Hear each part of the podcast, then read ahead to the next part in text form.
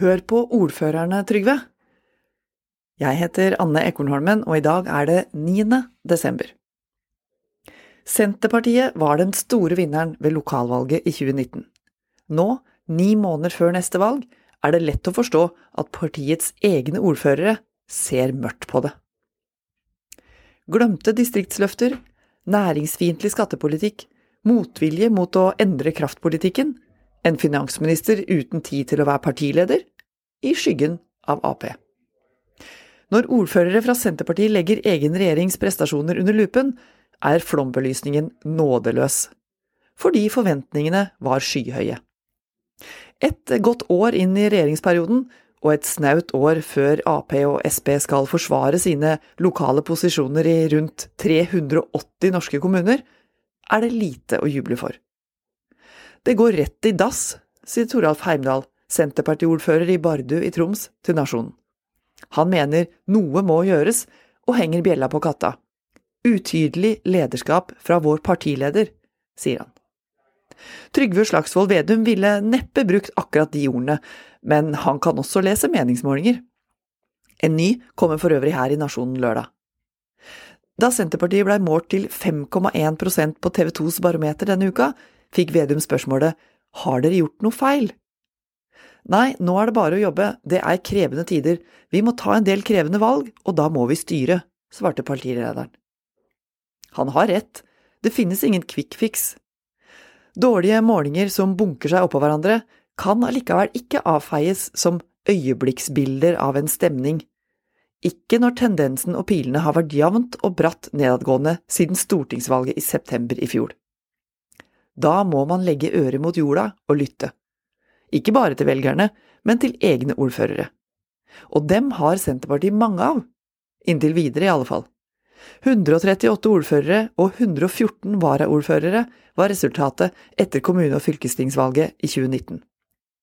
Da blei Senterpartiet landets tredje største parti, gikk fram med over 6 prosentpoeng til 14,4, og etablerte et ordførerforum på 15 medlemmer som har direktelinje til partiledelsen og stortingsgruppa. I høst krevde de at regjeringa skulle innføre makspris på strøm, uten å bli hørt. Men forumet er også involvert når partiet planlegger valgkamp, og spør du dem hvor skoen trykker, får du svar. Forskjellige svar. Ikke overraskende har geografiske forskjeller stor betydning når nasjonen ber ordførerne peke på hvilke politikkområder som er viktigst for dem, og hvor de mener det svikter for Senterpartiet i regjering. Strømpriser og kraftpolitikk nevnes raskt. Langs kysten er misnøyen stor med grunnrenteskatt på havbruk, bare spør ordfører Sigrun Vigen Prestbakmo fra Salangen i Troms, en annen av medlemmene i Senterpartiets ordførerforum. I nord er det Forsvaret, Andøya og stridsvogner som skaper debatt mens mange kan signere på problemene med kommuneøkonomi og behov for desentraliserte arbeidsplasser. Og alt dette skulle jo Senterpartiet ordne, før de kom i regjering, da. Sakene viser hvor bredt Senterpartiet gikk ut i opposisjon, hvor mye de lovte å endre, områder de ville rydde opp i og vedtak de ville snu. Det spente forventningsbua kraftig, ikke bare hos velgerne, også blant egne ordførere og lokalpolitikere. Det hjelper lite nå å holde jordbruksoppgjøret opp som en blank seier. Det var bare ei rundetid. En ny vår truer. Vi må være ærlige overfor oss sjøl og at vi ikke klarer å levere på den politikken, sier Knut Nordmo, ordfører i Andøy kommune, der Senterpartiet hadde rekordvekst i 2019. Mye av oppslutningen kom fordi Senterpartiet lovte lokalsamfunnet å opprettholde basen for maritime patruljefartøy. Unnskyld, patruljefly. De måtte gi tapt i forhandlingene med Arbeiderpartiet. Det svir. Tilliten rakner. Mange er skuffa over at Senterpartiet ikke har større gjennomslagskraft, sier Ronald Wærnes i Finnmark-kommunen Båtsfjord. Han sitter også i Senterpartiets ordførerforum, og sier at flere mener Arbeiderpartiet blir for dominerende og har for stor innflytelse i regjeringsfellesskapet. Om Arbeiderpartiets historiske bunnnoteringer på målingene i det siste ikke akkurat vitner om at de tjener på samarbeidet med Senterpartiet, så er altså inntrykket på den grønne grasrota at Senterpartiet uansett havner i skyggen av Jonas sitt mannskap. Den skyggen må de ut av hvis de skal ha håp om å redde posisjonen som bredt ordførerparti med makt til å styre, forbedre og utvikle norske kommuner og lokalsamfunn. Senterpartiets og Arbeiderpartiets manglende evne til å oppfylle løfter og forventninger i regjering vil uunngåelig ha betydning for det som skjer i kommunevalget. Det er dette de folkevalgte skal ut og forsvare.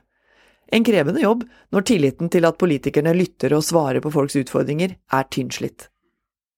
Kanskje er tilliten lettere å gjenreise på lokalplan, tettere på velgerne, på hverdagen der folk bor.